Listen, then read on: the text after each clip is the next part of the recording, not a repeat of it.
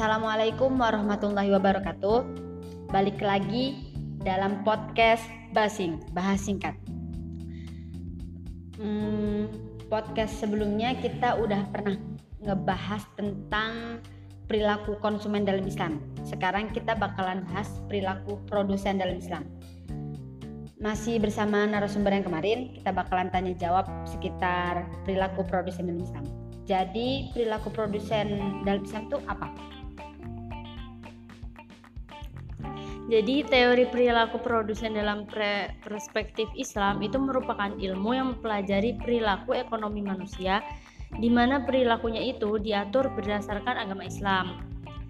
Jadi itu tuh produsen akan memproduksi suatu barang harus mempunyai hubungan dengan kebutuhan manusia. Berarti barang itu harus diproduksi untuk memenuhi kebutuhan manusia, bukan untuk memproduksi barang mewah secara berlebihan yang tidak sesuai dengan kebutuhan manusia.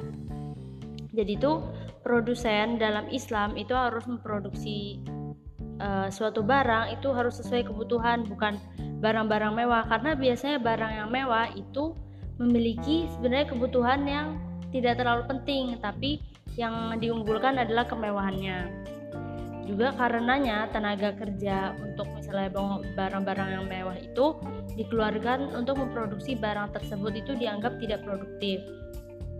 Nah, ketika konsumen mengalokasikan dananya untuk aktivitas konsumsi, maka produsen akan mengalokasikan dananya untuk penggunaan faktor produksi atau yang akan diproses menjadi output. Karena itu, bila keseimbangan konsumen terjadi pada saat seluruh anggaran habis untuk konsumen, kalau untuk produsen itu keseimbangan produsen tercapai pada saat seluruh anggaran habis terpakai untuk membeli faktor produksi dan setiap produsen akan berupaya mencapai tingkat produksi yang optimum. Oke, jadi yang pengertian perilaku produsen dan pesan itu mereka tuh memproduksi sesuai dengan kebutuhan manusianya ya. Nah, pastikan kalau kita kan ngebahas tentang perilaku produsen dalam Islam, pasti ada yang perilaku produsen dalam konvensional kan apa bedanya antara yang konvensional dengan yang Islam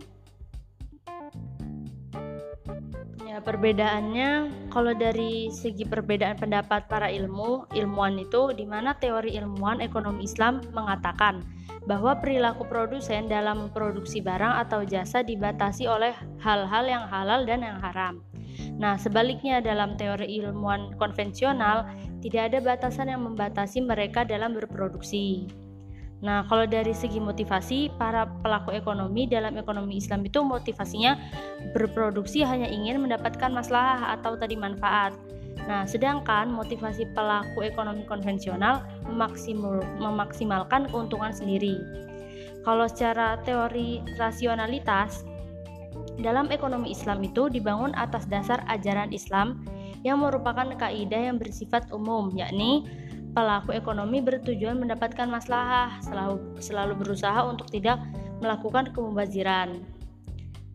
Pasti akan berhubungan dengan resiko. Jadi kalau misalnya mubazir, pasti produksinya itu akan beresiko. Nah, sedangkan konsep rasionalitas dalam ekonomi konvensional itu tuh manusia dianggap rasional jika mereka memaksimalkan utility atau keuntungan itu tadi untuk konsumen dan keuntungan bagi produsen. Dari segi tujuan untuk berproduksinya, kalau ekonomi dalam Islam itu untuk mencapai falah di dunia dan akhirat, sedangkan ekonomi konvensional semata-mata untuk kesejahteraan duniawi.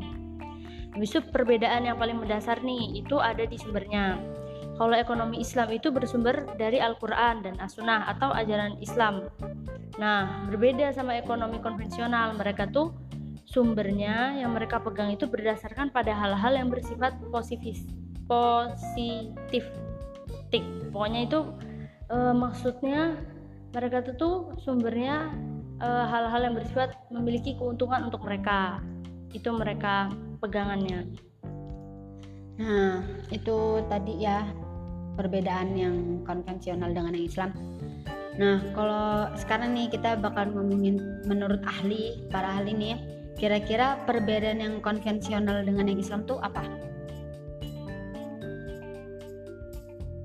Kalau menurut nih kalau konvensional ya menurut Thorsten Bonde Veblen pada tahun 1857 sampai 1929 itu, perilaku masyarakat juga mempengaruhi pandangan orang lain yang ditentukan oleh kondisi sosial. Jadi mereka tuh perilaku masyarakat itu dipengaruhi oleh kondisi sosial, itu konvensional. Nah, kalau yang Islam menurut Munzerkaf itu menyatakan bahwa motif produsen dalam melakukan proses produksi yakni pengembalian manfaat setiap partikel dari alam semesta adalah tujuan ideologi umat Islam. Jadi kalau menurut Islam tadi itu uh, produsen itu memproduksi dari alam semesta untuk dijadikan manfaat kembali. Jadi uh, sumber daya alam itu dirombak, diproduksi untuk memberikan manfaat kepada para konsumen. Nah, selanjutnya itu kalau konvensional menurut Pareto Optimality atau konsep efisiensi usaha untuk melakukan yang terbaik. Konsep ini membolehkan penghancuran kelebihan output jika memungkinkan pelaku bisnis menahan labanya tanpa membuat konsumen menjadi lebih buruk karena naiknya harga. Jadi itu tuh konsep ini memperbolehkan menghancurkan kelebihan output apabila kelebihan itu e, barangnya itu bisa dihancurkan gitu dan juga menahan laba tanpa membuat konsumen menjadi lebih buruk karena harganya naik. Nah, kalau Islam itu menurut Muhammad Abdul Manan pada tahun 1992, perilaku produksi tidak hanya menyandarkan pada kondisi permintaan pasar, melainkan berdasarkan pertimbangan kemaslahatan. Jadi, produksinya itu nggak hanya e, karena untuk permintaan pasar, tapi juga untuk berdasarkan pertimbangan kemaslahatan. Oke, kan kita nih lagi bahas tentang perilaku dalam konsep Islam ya. Kira-kira apa salah satu dalilnya mengenai perilaku konsep perilaku dalam Islam?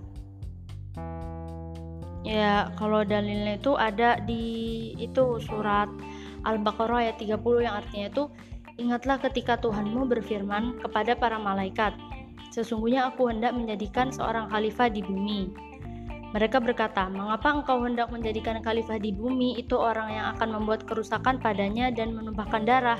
Padahal kami senantiasa bertasbih dengan memuji engkau dan mensucikan engkau." Lalu Allah pun berfirman, "Sesungguhnya aku mengetahui apa yang tidak kamu ketahui." Itu surat Al-Baqarah ayat 30. Jadi dari dalil tadi itu bisa disimpulkan bahwa Allah juga menerangkan bahwa manusia itu mempunyai tanggung jawab yang besar yang tidak dimiliki oleh makhluk lainnya di di muka bumi ini. Yaitu sebagai khalifah atau pemimpin. Peranan manusia sebagai khalifah di muka bumi memerankan fungsi penting yang artinya ada sebuah amanah yang besar yang dibebankan kepada manusia untuk kemakmuran bumi. Jadi Allah itu telah menciptakan bumi dan langit serta yang ada di antara keduanya itu memberikan mandat ini kepada manusia karena manusia itu memiliki kelebihan akal pikiran yang nantinya diharapkan itu dapat berguna untuk memanfaatkan segala sesuatu yang telah Allah karuniai. Nah, pemberian mandat atau amanah tadi ini yang Allah berikan kepada manu kepada manusia itu bertujuan agar manusia dapat memanfaatkan isi bumi. Jadi tadi berproduksi itu ya, jadi uh, sumber daya itu bisa dimanfaatkan oleh manusia. Bisa juga memperoleh pendidikan agar manusia ingat nikmat yang telah dianugerahkan oleh Allah. Amanah yang diberikan Allah kepada umat manusia ini pada akhirnya harus dipertanggungjawabkan. Jadi oleh karena itu Islam mengajarkan kepada umatnya untuk selalu bekerja dan mencari karunia Allah. Islam juga itu melarang bermalas-malasan, namun Islam sangat mendorong umatnya untuk bekerja dan bekerja. Jadi tadi kan e, produsen itu pasti bekerja. Jadi di sini Islam itu melarang umatnya untuk bermalas-malasan di dalam ayat tadi.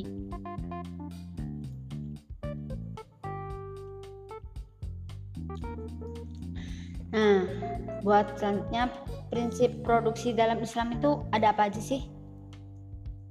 Nah, prinsipnya itu ada menurut Sidiki uh, pas tahun 1992 itu menyebutkan ada tiga prinsip pokok produsen yang islami yaitu yang pertama memiliki komitmen yang penuh terhadap keadilan jadi itu komitmennya harus adil Yang kedua itu memiliki dorongan untuk melayani masyarakat untuk mencapai kesejahteraan, sehingga segala keputusan perusahaan harus mempertimbangkan hal ini. Nah, yang ketiga itu mengoptimalisasi keuntungan diper, diperkenankan dengan batasan kedua prinsip di atas. Jadi, keuntungan yang diambil dalam produsen dengan konsep Islam itu keuntungannya itu tuh harus dikomitmenkan dengan penuh keadilan dan juga dorongan untuk melayani masyarakat sehingga segala keputusan itu mempertimbangkan hal semua ini baru para produsen Islam itu mendapat keuntungan Oke, kayaknya segitu aja bahas singkat buat kali ini seputar perilaku produsen dalam Islam. Oke, saya akhiri. Assalamualaikum warahmatullahi wabarakatuh.